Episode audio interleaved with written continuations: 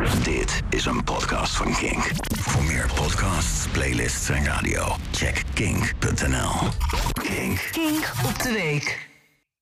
De Dijk stopt ermee. De Dijk, de geweldige band met de iconische frontman Huub van der Lubbe. De man die bij ieder woord dat zijn mond verlaat, kijkt alsof het volgende woord net anaal is ingebracht. Na 41 jaar is de Nederlandstalige koek op. En hangen ze een mix van soul, blues en rock aan de wilgen. En dat is een klap voor alle fans, maar ook voor alle mensen die er een traditie van hadden gemaakt om bij elke tour ergens tijdens een concert van de dijk even lekker bij te kletsen.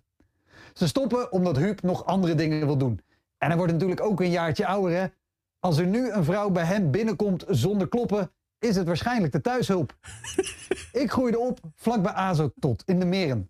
Een podium dat vooral bekend was om één ding: paasrock. Schijndel had paaspop, wij hadden paasrock. En traditiegetrouw opende die twee het festivalseizoen. In 1992 zat ik samen met mijn broer op een klein dijkje naast de grote tent waarin het festival plaatsvond.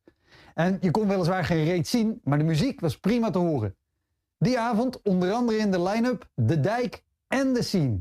En dat betekent dat het jaar ervoor of erna de Truckerne Keks of Normaalder speelde, want die wisselden elkaar keurig af.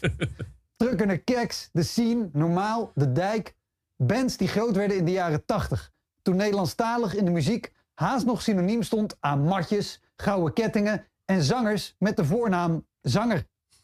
De documentaire over André Hazes, waarna iedereen opeens zogenaamd al jaren fan was van rijmwoordenboek Poëzie, kwam pas rond het millennium uit. De enige trouwens die die documentaire toen niet heeft gezien was Spinvis, want die zat op zijn zolder in Nieuwegein aan zijn debuutplaat te knutselen. En natuurlijk was er altijd al Nederlandstalige muziek voor mensen met smaak. Ik noem alleen al de Groningse punkers van de Bougies, maar of die bekend waren bij het grote publiek? Meh. Bands als De Dijk lieten horen dat je prima in je eigen taal kan zingen zonder te vervallen in levensliedclichés als ik hou van jou en betaal mijn alimentatie trouw. De heideroosjes kwamen, ons door Possie, Skik, Neuk, ABN, De Hardheid, Spookrijders, Fokko, Eefje de Visser en niet in de laatste plaats rachende mannen. Van punk tot hip-hop en allemaal in het Nederlands. En ik wil niet beweren dat ze geïnspireerd zijn door de dijk en hun collega's, maar het aanbod en de diversiteit van Nederlandstalige acts groeide als nooit tevoren. Tegenwoordig is er in elke stijl en smaak wel een Nederlandse act te vinden.